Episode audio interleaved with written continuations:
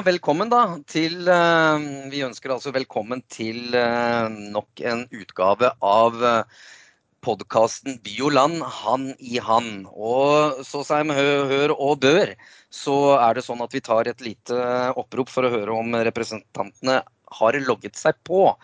Eller er i studio. Magnus Veggesrud, Senterparti. Til stede. Er Lasse Haugen til stede? Lasse Haugen er til stede, og partitilhørighet eh, er jo da Arbeiderpartiet. Du Magnus, det, det er et par yes. ting vi må, vi må, diskutere her. Og et par uh, politiske områder som, uh, som, kan være viktig å få sett på. Uh, jeg har lyst til å stille deg et par spørsmål, og så får du gjette hva jeg skal fram til. Okay. Ehm, hvis jeg gir deg noen stikkord nå. Ehm, det handler om landareal pålydende 22.768 kvadratkilometer. Det handler om et innbyggertall pålydende 1.252.384. Det handler om administrasjonssenter som ehm, ligger eh, lokalisert eh, fire steder. Det handler om Oslo, Drammen, eh, Sarpsborg, Moss. Og målformen den er jo nøytral. og det høyeste fjellet, det er eh, Follarskardknuten, som altså ligger eh, Jeg mener å huske at det er 1933,3 meter over havet. Det snakkes også om eh, et våpen som heter trippel fjellspeiling i vann. Magnus, hva er hva er det jeg skal fram til nå? Ja, nei, det, når du sier det på den måten, så er det jo kun én ting som eh, faller inn i hodet mitt. Og det er jo selvfølgelig da eh, det gigantiske, feilslåtte prosjektet Viken fylkeskommune.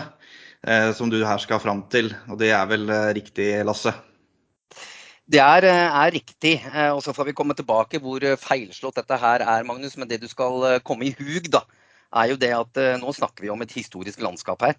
Eh, vi snakker om et, eh, et, landskap som i middelalderen eh, ble kalt Viken. og Det var landskapet rundt Oslofjord og Skagerrak. og Det omfatta områda Ranriki, altså som er Rena-fylket, Vingulmork, Vestfold og Grenland. Jo, hvis jeg får kommentere på det, Lasse, så det er jo riktig det du sier der med at det er rundt Oslofjorden at det er et historisk område. Men her må vi huske på at det gamle Buskerud var jo mer enn det som ligger helt syd. Vi har jo også de dalstrøka oppover, Sigdal, Hallingdal, Numedal, som ikke nødvendigvis naturlig har vært en del av det historiske landskapet Viken, og heller ikke i moderne tid.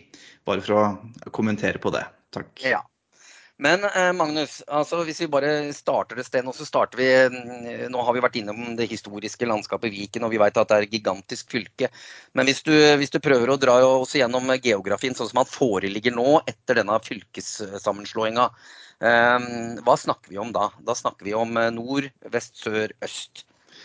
Ja, altså Helt i nord så vil vi jo da befinne oss eh, ganske høyt opp på Hardangervidda, i Hol eh, kommune. Eh, og da er vi også ganske langt eh, vest eh, i, fylket. Hvis vi skal sydover, så kommer vi jo helt ned til Hvalerøyene bl.a. Og vi har jo også langt inn i Halden kommune, ganske langt nær svenskegrensa. Og vi har jo også nordover, oppover i gamle Akershus, så har vi jo da selvfølgelig Aurskog-Høland. Og det er jo et, eh, da et veldig stort eh, fylke, som du også sier innbefatter 1,2 millioner mennesker. Så eh, det er Viken vi snakker om eh, her. Ja, Så Buskerud er egentlig det er borte? Buskerud er ikke borte. Det er jo fortsatt et eget eh, stortingsvalgdistrikt, og det ser ut til å fortsette å bli sånn som det ligger an nå. Og Så vil jo da valget til høsten avgjøre hva fylkeskommunen skal være framover. Senterpartiet har vært klare hele veien. Vi var mot opprettelsen av Viken, som var en tvangssammenslåing. Og vi er for at Viken skal oppløses. Og Det er vår eh, soleklare plan A, at Viken skal oppløses hvis vi får høy tillit ved valget til høsten. Og det, eh, Hvis man ser på meningsmålingene, så det tyder jo det på at vi, vi kan få til det. Og, og det er det vi går for. Ja, men eh, Magnus, eh, når du snakker om dette her med f.eks. identitet, som du har gjort ved flere anledninger i, i, avisene, har du noen gang hørt folk snakke om at de er en buskerudværing? Jeg for min del så har jeg alltid sett på meg sjøl som, uh, som en, en, kar som kommer fra Buskerud fylke, og som er, som er, stolt av det. Jeg er stolt av hva fylket vårt innbefatter av, av både natur og kulturlandskap, og, men ikke minst også arbeidsplasser og det mangfoldet som vi har hatt i Buskerud. Og at Buskerud har vært et, et godt fylke som har vært veldrevet, og som, der man har følt et naturlig fellesskap innenfor de innenfor de grensene. Men jeg vil jo også si at eh, altså vår motstand mot Viken det handla ikke om føleri eller et ønske om å dra tilbake til gamle dager. Det handler om eh, folkestyre.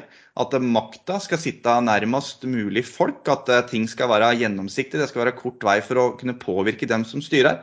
Og det handler også om at tjenestene som vi yter, også skal være nær folk. At det skal ligge videregående skoler i Numedal og, og Hallingdal, i Midt-Buskerud osv. At vi skal ha tannklinikker over hele fylket, at vi skal ta hele fylket i bruk. At vi skal ruste opp fylkesveiene, ikke kun i de sentrumsnære områdene. Og det har vært noe av hovedankerpunktet vårt mot Viken. er At det bor 1,2 millioner mennesker, en, en, over en femtedel av Norges befolkning i ett fylke. Og da blir det blir et ganske stort demokratisk underskudd, for det blir så mange mennesker som skal forsøke å bli hørt. Og da er det vanskelig å, å, å være en god ombudsmann for alle sammen. Eh, så, så, her er det en grunnleggende folkestyreidé og tanke som ligger bak Senterpartiets motstand mot, uh, mot Viken. Um, så, og det, og det, det, har vi stått på hele veien. Folk sier at Eller ikke folk, men at vi kan si Høyre argumenterer ofte mot Senterpartiet når vi har sagt at vi er mot kommune- og fylkessammenslåing, at vi vil dra Norge tilbake til 60-tallet og at vi er mot alt og alt mulig sånn. Nei, vi er ikke det. Vi er, vi er mot uh, tvang, uh, og det er også Viken et resultat av. Det, det var uh, vedtaket i de tre gamle fylkene mot Viken. og så er vi imot at ting skal bli at det stort er løsninga på alt. og så er det sånn at vi har kjørt den linja der i, i, i all den tid vi har eksistert. Eh, når det kommer til sammenslåinger av fylker og kommuner, at det skal være punkt én, frivillig. Eh, men vi har også trua på en, en, strukturmodell der man har både små, mellomstore og store kommuner. Og, og at de fylkene som vi hadde, var gode og velfungerende enheter. Men eh, er det ikke sånn da, at i hvert fall for meg så opplever jeg at det fremdeles kan kan gå til tannlegen uten eh, å merke noe forskjell på om det var Viken eller Buskerud. Eh, jeg har jo også fått med meg det at eh, det har blitt en robusthet med tanke på nærskoleprinsippet, ikke minst. Dette her med innføring av skolemat. Og i det hele tatt så har fylkestinget på Viken eh, satt i verk eh, en god del ting som kommer innbyggerne til gode. Og det må vel være sånn, Magnus, at eh, når eh, enheter slår seg sammen, når krefter møtes, eh, gode krefter med ideer som er innovative, som har eh, tanker om hvordan framtida skal sees, da må man kunne klare å dra veksler på hverandre og lage enheter som kommer befolkninga til gode. Ja, jeg er jo helt enig i at, eh, at, vi skal lage enheter som kommer folk til gode. Eh, og så vil jeg også si til, si til dere drar opp først, at det, det, betyr noe hvem som styrer Viken. Og I dag så er det en eh, koalisjon av Senterpartiet og Arbeiderpartiet i, i fylkesrådet. Og så har vi også parlamentarisk støtte i fylkestinget eh, fra de andre rød-grønne partiene. Og Det betyr at vi kan føre en god politikk som ser hele fylket, nettopp fordi vi har hånda på rattet i Viken. Eh, men så er det også sånn at Viken vi står overfor en del utfordringer når det kommer til økonomi. Eh, og da er det også sånn at hvis det kommer til et punkt der en må begynne å, spare, begynne å spare, så kan det fort bli sånn at det kjøttvekta rår. Når vi da har et fylke som, som en, der innbyggerne er veldig sentrert rundt, eh, rundt byene og de, og de, store byene og, og i områdene rundt, så, så, vil det være sånn at de områdene er best representert. Det ser man på fylkestinget i dag, at eh, de områdene har flest på, på fylkestinget. Jeg er den eneste på fylkestinget som kommer fra, fra Øvre Eiker, Modum, Sigdal og Krøstra, altså Midt-Buskerud, hvis vi kan kalle regionen det. En region med ganske mange innbyggere, det òg, men kun én person på fylkestinget. Og det, det, med representasjon det har noe å si. Det handler om hvordan man har muligheten til å påvirke. Og til slutt vil kjøttvekta rå, og da vil ofte sånn at det, når man skal kutte, så vil man kutte der det bor færrest folk, og kutta smerter minst mulig når det kommer til neste valg. Og det er sånn som avler fram sentralisering, at kjøttvekta rår, og, og, da har disse enhetene, da har på en måte strukturen noe å si.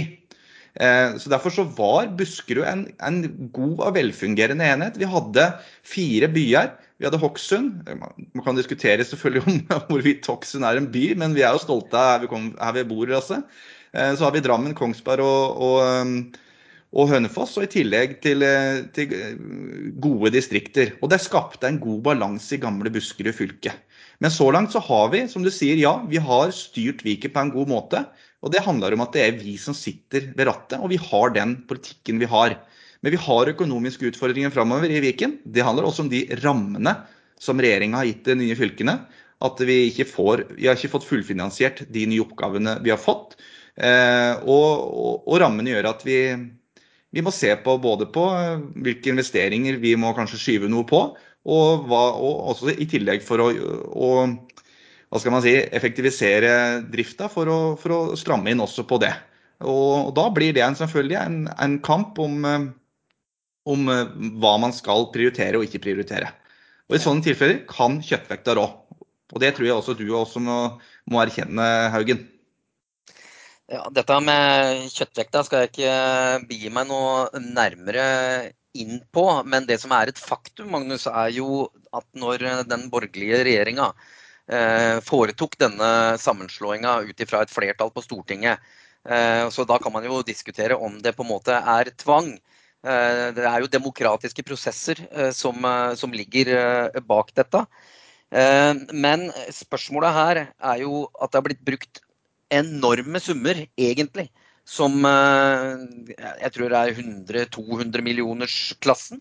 Med bare den der omstruktureringa. Det har vært snakk om hvor man skal legge av dette stedet. Nå vet jeg at Viken fylkeskommune ikke akkurat nå har flytta sentra sitt, men at det er noen planer om det. Og så er jo da en hel haug med arbeidstakere som er viktig i, i Viken, som har vært gjennom en eh, omorganisering som slettes ikke alle sammen eh, har ønska, men de har vært med på denne reisa. Og er det da riktig eh, at man skal omorganisere tilbake, for det vil jo også koste? Eller ligger ting klart for en begynnende omorganisering, Magnus? Det er et uh, godt spørsmål, og det er noe som vi ofte får, uh, blir stilt vi i Senterpartiet når vi sier at vi skal oppløse Viken. Og, da, må vi, da, må vi, dra på en måte uh, fokus over på hva har vært kostnadene ved opprettelsen av Viken. Og det som du sier, det har ligget på en kostnad rundt 150-200 millioner å, å, opprette Viken. så er det sånn at veldig mye av de, de pengene det har blitt brukt til investeringer på IKT og digitalisering. Og Det er investeringer som man nødvendigvis ikke må gjøre på nytt når man skal opprette de nye fylkene. Og så er det sånn at De videregående skolene de ligger der de ligger. Tannklinikkene ligger der de ligger. Vi har eh, velfungerende fylkeshus både i Sarpsborg og i Drammen som kan tas i bruk. Så da handler det bare om å fylle de eh, fylkeshusene med gode folk og flinke folk igjen. Eh, I tillegg til allerede de flinke folka som er der i dag, for det er fortsatt aktivitet på de gamle fylkeshusene. Så Derfor så er, er vårt syn på det i Senterpartiet at den oppløsninga den, den, kommer ikke til å bli så dyr. Og så er også spørsmålet da hva er alternativet? Jo, da er alternativet å la Viken fortsette. Og etter vårt syn så tror vi at kostnadene ved å la Viken fortsette gjennom at det blir økt byråkrati, et, et, altså et stor organisasjon. Det, blir, det, blir mange, det krever mange ledd. Det krever eh, det, det, kan være mangel på kunnskap over, over, over, store områder. ikke sant? Og det kan føre til at man ikke får tatt de kjappe avgjørelsene. Så man gjør en oversiktlig organisasjon, sånn som Buskerud var. Eh, og ikke minst det her med reising i et så stort fylke. Så hvis Viken fortsetter, så kan det også føre til at, eh, at det blir mye dyrere enn at vi oppløser og går tilbake til eh, Buskerud. Um, og, det, og, det, står vi på. Og så er det, som du sier, det med de ansatte det er et veldig viktig, veldig viktig moment oppi det her. Vi skal, ta, vi skal, ha god dialog med de ansatte. Det har vi følt også at vi har hatt underveis hele tida. Vi, vi, har vært tydelige på at vi skal oppløse Viken. Og da har vi samtidig sagt at det, i det så skal de ansatte ivaretas på en best mulig måte og i dialog med de ansatte. Og det som du sier, veldig mange ansatte sier at, sier at, den, sier at det, uh, opprettelsen av Viken og den prosessen det var veldig, veldig tungt. Og, men samtidig så sier fortsatt veldig mange til oss at vi vil tilbake til Buskerud. Det var oversiktlige forhold, det var enklere å bli hørt oppover i systemet. Og det var mer oversiktlig og en, en bedre, eh, si, bedre, organisering.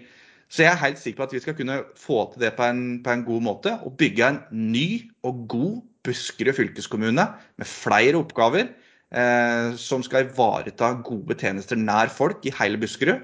Og ikke minst ivareta det nære folkestyret der folk veit hvem som sitter på fylkestinget. Og de som sitter på fylkestinget, de kjenner områdene, de kjenner folk, de kjenner hvor skoen trykker.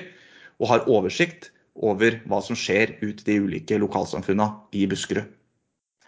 Men er det ikke, er ikke viktig å ha eh, en robust enhet som skal ivareta eh, mangfoldet i kulturopplevelsene for å utvikle eh, og skape samhørighet på tvers av ulike kulturarenaer?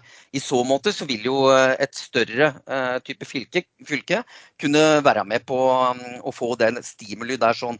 Det gjelder også for så vidt offentlige tjenester, som også vil få den robustheten til å møte folk der hvor de er i livet sitt. Det er jo dristig eh, å, å, skulle drive noe som er såpass framtidsretta som Viken var tenkt. Uh, og jeg tenker også i den sammenheng uh, på det yrkesfaglige. Uh, Viken fylkeskommune som kan da klare å skape gode lærlingeplasser, eh, gode plasser for framtidas fagfolk. Eh, I tillegg så trekker du fram her at reisekostnadene vil bli store.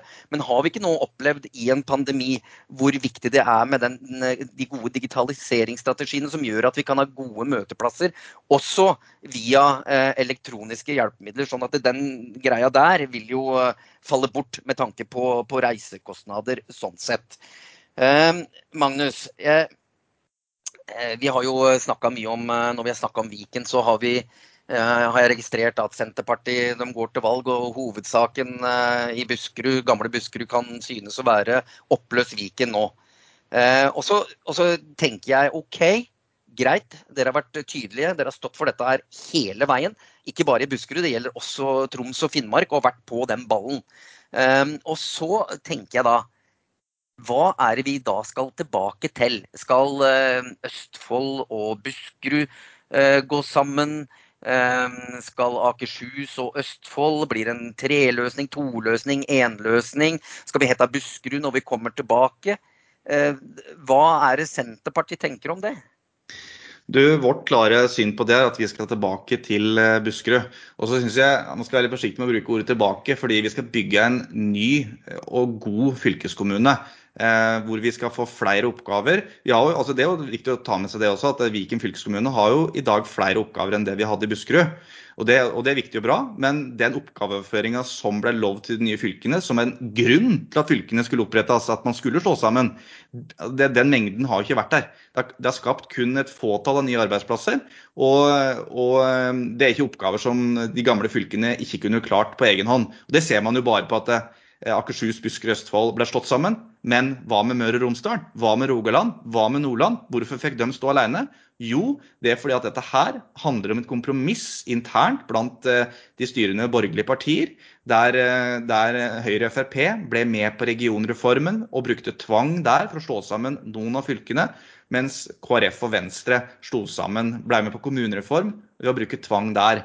Og så, og så, vil jeg også bare kommentere på det at eh, jeg mener ikke at det er demokratisk når tre fylkesting har klare vedtak på at vi ønsker ikke den sammenslåinga her. Og I tillegg så var ikke Viken faglig utreda når det ble slått sammen. Det må også være med i med dette her. Men som sagt, vi skal, tilbake, vi skal ikke tilbake. Vi skal bygge en ny og bedre fylkeskommune i Buskerud med nye oppgaver eh, og, og, mer myndighet. Senterpartiet mener jo bl.a. at vi må gjøre noe med helseforetaksmodellen. Vi må få mer politisk styring inn i den. Vekk fra businessmodellen. Eh, og få en, eh, en, mer demokratisk helsesektor med folkevalgte politikere fra fylkestinga inn i sykehusstyrer. Eh, her er jo noe uenighet selvfølgelig med Senterpartiet og Arbeiderpartiet på det med helseforetaksmodellen og alt det der. I tillegg så har vi også en, andre oppgaver som vi også tenker vi må se nærmere på når det kommer til hva de nye fylkeskommunene skal drive med. Og så er jeg helt enig i det du sier om det her med reising i post-koronasamfunnet. Det kan jo være en egen episode for øvrig, Haugen. Der vi kan diskutere hvordan samfunnet blir etterpå. Men jeg tror at vi allikevel, selv om vi fortsatt skal holde på det med å ha digitale møtepunkter og sånn, så vi må også ikke glemme verdien i det å, å, treffe folk, snakke med hverandre fysisk og se hverandre i øynene. Og ikke minst reise ut og se på ting der det er. Ivar Aasen han eh, var en klok mann som eh, du sikkert er enig i, og han sa jo at en finner ikke noe før en kommer der det er. Og det er det noe i. Når vi skal prioritere f.eks. hvilke fylkesveier som skal rustes opp, så kan du ikke sitte og se på en datamaskin og prioritere det. Da må du reise ut og så må du se at der og der, der trengs det at vi ruster opp nå. Og, og, det er omfattende i et så stort fylke som Viken. Men eh, greit. Eh, det er jo gode argumenter eh, for så vidt både for å, å skulle beholde Viken, men du, du har brakt til torgs her eh, en hel haug med argumenter som tilsier at dette er en eh, svært dårlig idé også i framtida. Men igjen, dere har jo gjort eh, gode ting, smarte ting. Eh, for eh, innbyggerne, disse 1,2 millionene innbyggerne. Ehm, og du har lagt vekt på at eh, med det rød-grønne styret nå, så har man fått gjort det optimalt som man kunne, men at man sliter med overføringer fra sentralt hold. Men Magnus, hvis Viken nå skal oppløses, så vil jeg tro at det fordrer et regjeringsskifte. Det er punkt nummer én. Hva og hvordan blir prosessen da å få dette her oppløst. Hvordan skal man gå fram? Ja, det, det, har jeg noen svar på som jeg kan prøve å legge fram. Eh, I fylkesrådets eh, plattform, som Arbeiderpartiet og Senterpartiet styrer på, så står det jo det at ved et regjeringsskifte nå til høsten, så skal fylkesrådet sende over en sak til fylkestinget om en søknad til Stortinget om å om å oppløse Viken. Det står i, i, i regjeringsplattformen til fylkesrådet. Og så er det sånn, som du sier, jeg har sagt flere ganger, vi trenger et regjeringsskifte. Og her har både Senterpartiet, Arbeiderpartiet, Jonas Gahr Støre, Trygve Slagsvold Vedum vært tydelige på det. At eh, hvis det er fylker som, eh, som, ønsker å oppløse seg igjen etter å ha blitt sammenslått, så skal man, skal man få lov til det hvis man ønsker det sjøl. Så da blir jo prosessen det at når, rett etter valget så vil jo da fylkestinget mm, behandle den søknaden. Eh, nå har Frp også varsla at de vil støtte den i, i fylkestinget om å, om å, oppløse Viken. Og da eh, vil jo den sendes over til Stortinget, og så vil den bli behandla der. Og, og, da kan vi fort vekk få et vedtak allerede før, eh, før jul i Stortinget om at Viken skal oppløses. Eh, og så er vår, eh, vår, klare innstilling på det også at eh, vi skal tilbake til de tre, tre fylkene. Vi skal ikke ha noe, noe todeling og de, og de, tankene som har vært rundt det. For, for etter min mening så er altså Hvis man legger opp den type Vestviken-løsning med Asker og Bærum og gamle Buskerud, så vil jeg skape et enormt folkelig tyngdepunkt nederst i fylket. Det bor 350 000 mennesker på aksen herfra Hokksund til Bærum. Eh, og da er jeg redd for at distriktene vil kunne bli, bli ganske bra utfordra. Eh, men, men, bare for å avslutte. Vi skal da bruke tida fram til neste kommune- og fylkestingsvalg på å bygge de nye fylkeskommunene. Og så vil det være nytt valg i forbindelse med kommune- og fylkestingsvalget i 2023.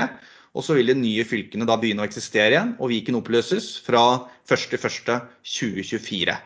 Og Det handler om at det å oppløse Viken er en litt mer krevende øvelse enn det å oppløse to fylker, sånn som i Troms og Finnmark, der de legger opp til en raskere oppløsning enn det vi gjør i Viken. Akkurat. Så du har klokketru på at uh, det fylkestinget som, uh, som, du er en del av, vil komme til å, å svare ja Eh, hvis den søknaden kommer på bordet. Og du har klokketru på at eh, en eventuell ny regjering eh, også vil si ja og bifalle det som eventuelt vil komme fra fylkestinget i Viken. Svaret på det er ja. Og Trygve og Senterpartiet har vært tydelige hele veien. Og hver gang det snakkes om oppløsning av fylker, så er det to fylker Trygve nevner. Det er Troms og Finnmark, og det er Viken. Det er en prioritet for Senterpartiet inn i regjeringsforhandlinger. Men bare for å utfordre deg litt kort tilbake, Lasse. Hva mener du om Viken? Ja, utgangspunktet mitt som innbygger i eh, Øvre Eiker og som innbygger i eh, gamle Buskerud fylke, er jo det at jeg syns dette var en eh, underlig hva heter det for noe, konstruksjon, ikke minst geografisk. Jeg har også hele tida vært bekymra for tjenestene som skal ligge nært folk, og der hvor folk eh, bor. Jeg har vært eh, usikker på om vi klarer å stimulere f.eks. reiseliv, fagskoleutdanning, videregående utdanning, tannhelse og alle de andre tinga som tilfaller et fylke. Det har jeg vært usikker på. Sånn at mitt utgangspunkt er nok det som er sammenfallende med ganske mange i Arbeiderpartiet, og det er det at dette har ikke vært ønska. Vi fikk det, og det er, du kan jo si vi fikk det med tvang. Men det ble et faktum, og det må vi forholde oss til. Og det er ansvarlige politikere og ansvarlige arbeidstakere i hele Viken som har tatt opp hansken og jobba ordentlig godt for at alle innbyggerne skal få de beste tjenestene. Og i det arbeidet der så ligger min lille agg eller tvil om, vi, om det er hensiktsmessig å dra oss tilbake igjen til hva det var. Og så er jeg bekymra for akkurat det som du anfører, og det er det hva er det vi kommer tilbake til. Jeg veit at det er krefter oppover dalene som ikke er udelt negative, som det heter, tror jeg, til Viken. Fordi at man har også sett at det her har vært gevinster å hente. Sånn at det kommer nok også en, en videre debatt. Men for Øvre Eiker Arbeiderparti sin del, og hvis jeg har tolka mine Eh, hva heter det, med medlemmer i det partiet, så er det motstand mot Viken i Øvre Eiker. Eh, Buskerud Arbeiderparti har også på et tidspunkt sagt at eh, Viken er en dårlig idé, og at man går for en, en oppløsning. Men at man da speiler til den samarbeidsplattformen som du så bra har referert til. Så utgangspunktet mitt er dette var en dårlig idé. Eh, og så eh, må, vi, eh, må det gjøres et arbeid med tanke på hva vi skal tilbake til. Det er utgangspunktet mitt, Magnus. Det er jeg helt enig i det siste. Vi skal gjøre et godt stykke arbeid med å bygge en ny Buskerud fylkeskommune. Og så vil jeg bare helt til slutt si i denne bolken også, i et folkestyre så skal vi lytte til hva folk sier. Nå fikk vi nylig en meningsmåling fra Infact på bestilling av Lokalsamfunnsforeningen som viste at sju av ti innbyggere i Buskerud vil tilbake Eh, til Buskerud fylke og oppløse Viken. Det er en klar beskjed til oss som folkevalgte hvordan dette her ligger an. Og i demokratiene må vi lytte til folk. Er du ikke enig, Haugen? Ja, jeg er eh, helt enig, og eh, jeg tror det er svært dumt å, å på en måte skulle gå i for spiss debatt mot det som anses som en rådende folkemening. Eh, det skal man eh, være varsom med, men jeg vil ha fakta på bordet. Jeg vil ha opp debatten, jeg vil ha opp de ulike meningsytringene og de ulike aspektene rundt eh, hva en ny omorganisering vil bety. Og, og, Der må vi ha med fagbevegelse, og vi må ha med vanlige arbeidstakere og vanlige folk og politikere Ehm, vi må, vi må, kunne mene noe sammen før en uh, ny beslutning fattes. Vi skal være klar over at dette kommer til å koste, dette òg. Selv om mye har blitt lagt klart, så uh, vil det koste med en ny omorganisering. Og jeg, jeg syns jo dere har vært litt utydelig etter, etter, mitt syn ved å si oppløs Viken. Det gjør vi nå. og så, Det er mulig at jeg ikke har lest godt nok, men jeg syns at dere Eh, ikke har forklart eh, hva vi skal tilbake til i fullt monn. Men det har du gjort nå. Og det syns jeg er eh, oppklarende. Jeg syns det er bra, Magnus, og vi kan være enige om det. OK. Da tenker, jeg at, da tenker jeg at vi har fått en, en grei redegjørelse om, om, Viken så langt. Det er mulig at vi kan komme tilbake til det. Magnus, jeg, jeg tenkte at uh, vi har et par punkter igjen uh, før vi skal gi oss uh, ganske så korte. Og taletiden den skal, den skal være kort, eh, og du vil bli klubba etter eh, ja, si to minutter. da. Eh, ja, det er det du det får. Spennende. Dette er ja. spennende, for du veit ikke hva jeg skal spørre deg om. fordi at du skal få denne poddens utfordring, og du er ikke forberedt på hva du blir spurt om. Så her snakker vi rett og slett en ny sånn uh, greie som vi skal ha i hver podkast? En fast uh, Ja, jeg tror kanskje det. Uh, vi kan kalle den På kornet. Ja, På korn, ja. Det tror jeg vi skal. Det, det er spennende. Vi, vi, kaller den, ja, vi kaller den På kornet. Og Det betyr nå at uh, nå får du ikke tid til å forberede deg. Du skal heve bort telefonen. Du skal ikke sitte der og google hva Senterpartiet mener, eller Arbeiderpartiet mener. Uh, her skal du blåse litt i uh, Ikke blåse i, men, men nå, nå, nå vil jeg, jeg, vil ha ryggmargsrefleksen din, Magnus. Ja, vi skal prøve så godt vi kan. Skal prøve så godt vi kan. Og det jeg vil ta opp med deg, da, er om du kan kommentere arbeidslivsvilkåra til arbeidere i landbrukssektoren. For der har det jo vært litt cowboytilstander. Og da tenker jeg jo, Magnus, spesielt dette her med, med lønnsvilkår. Dette her med tilgang til fagforening, og dette er rett og slett åssen er det arbeiderne i landbruket, som er ofte innleid på forskjellige steder. Åssen er det det er, og hva er det vi kan gjøre for å, å, å bedre de arbeidsvilkåra? Ikke minst rekruttering inn i landbruksyrket. Vær så god, to minutter. Jo, takk, takk Lasse. Det var en fin utfordring. Det. Jeg er jo, jeg er jo helt enig at vi, vi, er nødt til å gjøre noe med både arbeidsforhold og eh, arbeidsvilkår for dem, dem som Spesielt da arbeidsinnvandrere som jobber innenfor jordbruksnæringa. Eh, det at man har behov for det, henger også sammen med tilgangen på arbeidskraft i Norge. Og så henger også dette her sammen også med den svake lønnsomheten som er generelt i, i norsk jordbruk. Eh, vi har over mange år nå sett at inntektene til bonden går ned. Det gjør jo også selvfølgelig noe da med hva slags mulighet og kapasitet man har til å, til å lønne dem man ansetter. Men jeg tenker at det her er flere ting som må henge sammen. Punkt 1, så må vi øke lønnsomheten i jordbruket. Bøndene må tjene mer på de produktene som de produserer. Det må verdsettes mer. Norge trenger bonden. Og så må vi i tillegg se på minstelønnssatsene når det kommer til arbeidsfolk. Både som jobber innenfor, innenfor jordbruket, men også generelt i, i arbeidslivet. Og det er tøffere arbeidsliv på mange felt, også, også jordbruket. Og jeg er helt enig i at vi er nødt til å gjøre noe, gjøre noe grep der for å, for å bedre arbeidsvilkår og arbeids, arbeidsforholdet eh, til dem som jobber. Og arbeidslivskriminalitet, brudd på arbeidsmiljøloven, sosial dumping bare så det er sagt, det skal slås hardt ned på uansett hvilken næring og hvilken grein vi er, vi er inne i. Bare så det er sagt. Håper det var tydelig nok. Ja, var, den tok du bra på kornet, syns jeg. Og Arbeiderpartiet har jo, hvis jeg får lov til å kommentere det på 30 sekunder Vi, vi legger inn en sånn liten kommentar også da. så, så, så, vil jeg støtte deg i mye av det du sier der. Ikke minst med tanke på velferdsordninger. Det handler om at i Arbeiderpartiet så støtter vi jo ferie-, fritids- og sykeordninger i, i landbruket. Og det skal skje på norske lønns- og arbeidsvilkår. Og Arbeiderpartiet er også veldig tydelig på at vi vil bekjempe sosial dumping i landbrukssektoren. Bl.a. gjennom å prioritere lærlingordninga innen grøntproduksjon.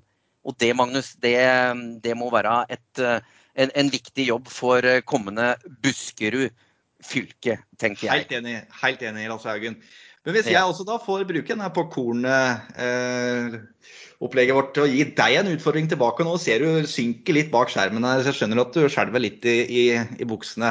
Men eh, jeg tror nok at utfordringa skal være ganske grei for deg denne uka her, eh, Haugen.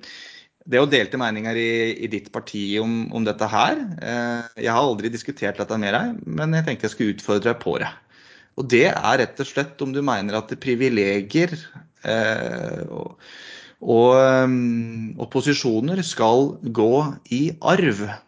Og da sikter jeg selvfølgelig til monarkiet. Skal Norge fortsatt ha et, uh, ha en, ha et monarki, eller skal vi gå over til en, uh, det som noen påstår er en mer demokratisk styreform, der makt ikke Makt er å begrense hva slags makt selvfølgelig kongen har i vårt monarki, men skal posisjoner og privilegier gå i arv? Lasse? Takk skal du ha. Uh, bukser har jeg ikke på, men uh, greit. Jeg tar den utfordringa, Magnus. uh, nei, posisjoner mener jeg prinsipielt ikke skal gå i arv. Det er noe som ligger langt tilbake i tid, og som absolutt ikke har alltid tjent stater til gode i det hele tatt. Sånn at prinsipielt så mener jeg det. At det er en, er en uting. Eh, men så har jeg lyst til å føye til, eh, til, noe, da. Og det handler jo om det norske kongehuset. Som jeg selvfølgelig nærer en eh, enorm respekt for. Ikke minst fra Håkon denne sjuende. Sitt symbolvirke, men også i kraft av hva han sa, og det at han var en samlende figur for Norge i en svært, svært krevende tid fra 1940 til 1945. Vi har hatt en folkekonge i kong Olav som folk har samla seg rundt, og jammen så har folk også samla seg rundt uh, kong Harald. Så det skal ikke være noe tvil om min respekt for de monarkene som vi har hatt i relativt nyere tid. Uh, den er uh, veldig til stede. Og det er klart jeg hadde måttet gå noen runde med meg sjøl hvis dette skulle bli en reell folkeavstemning om monarkiets væren eller ikke. Der måtte jeg tenke, for da tenker jeg på hva f.eks. kong Harald har, har betydd for oss mm. i de krisene som vi har vært igjennom f.eks. i 2011.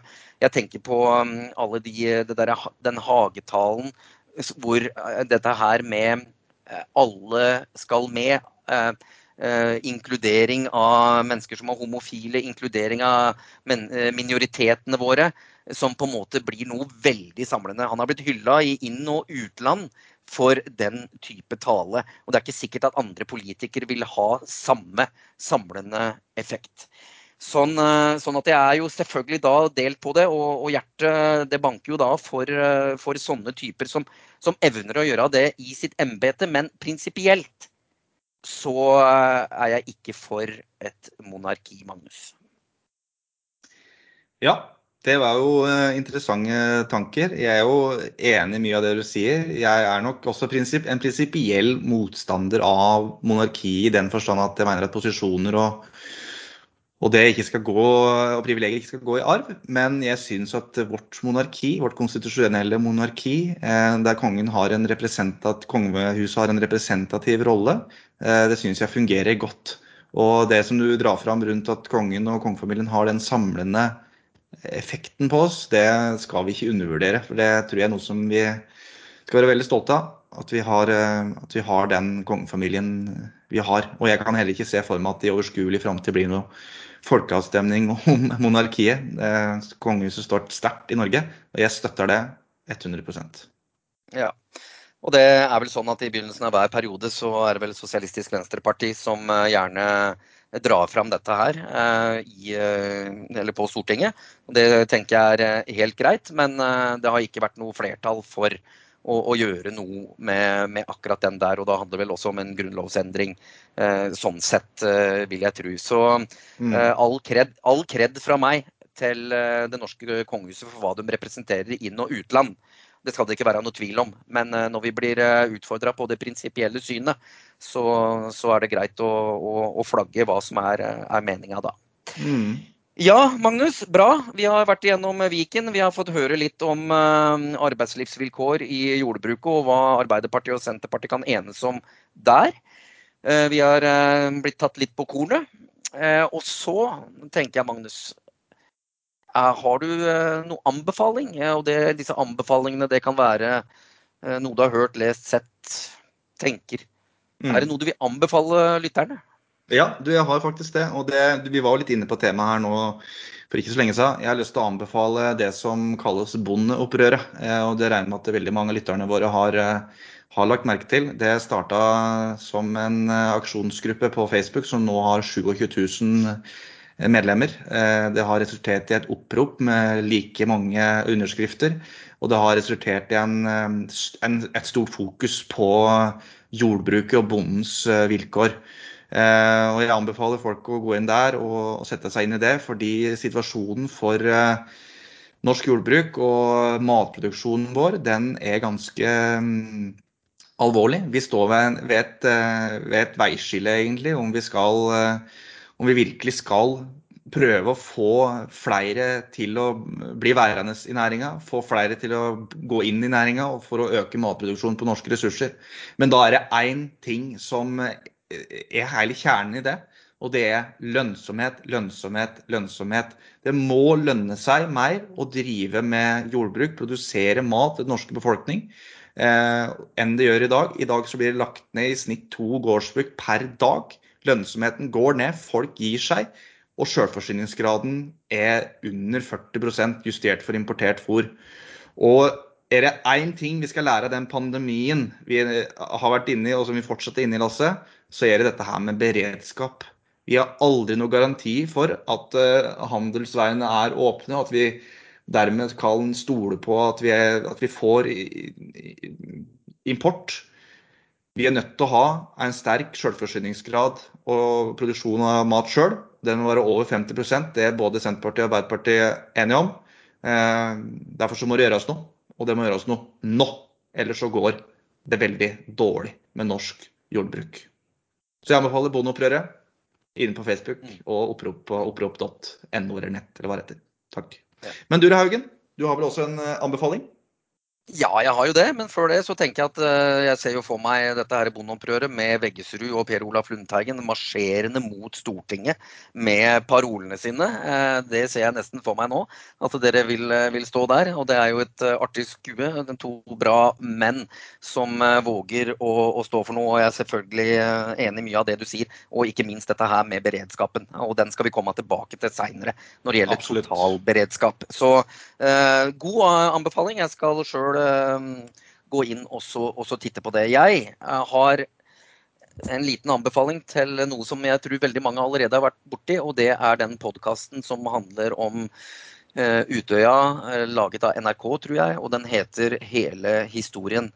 Uh, og det um, Nå har dette gjort noe med meg alle tider, holdt jeg på å si, siden 2011. Uh, dette her med, med terroraksjonen i regjeringskvartalet og på Utøya. Men her eh, får vi det enda tettere. Eh, enda tettere enn de bøkene som, eh, som jeg har lest. Og det er Det kryper inn under huden når man hører nok en gang vitneskildringer og, og, beretninger om, om, denne dagen.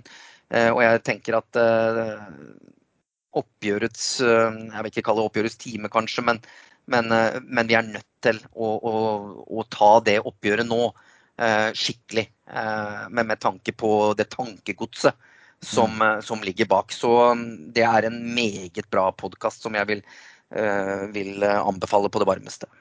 Ja, jeg kan bare slutte meg til det, Haugen. Jeg har også hørt den podkasten. Og det er en ja, det er en ganske god, godt laga podkast som skildrer det som skjedde på en nær måte. Eh, og jeg er helt enig i det at vi er nødt til å ta et større oppgjør med det hatet som eh, skapte eh, Ja.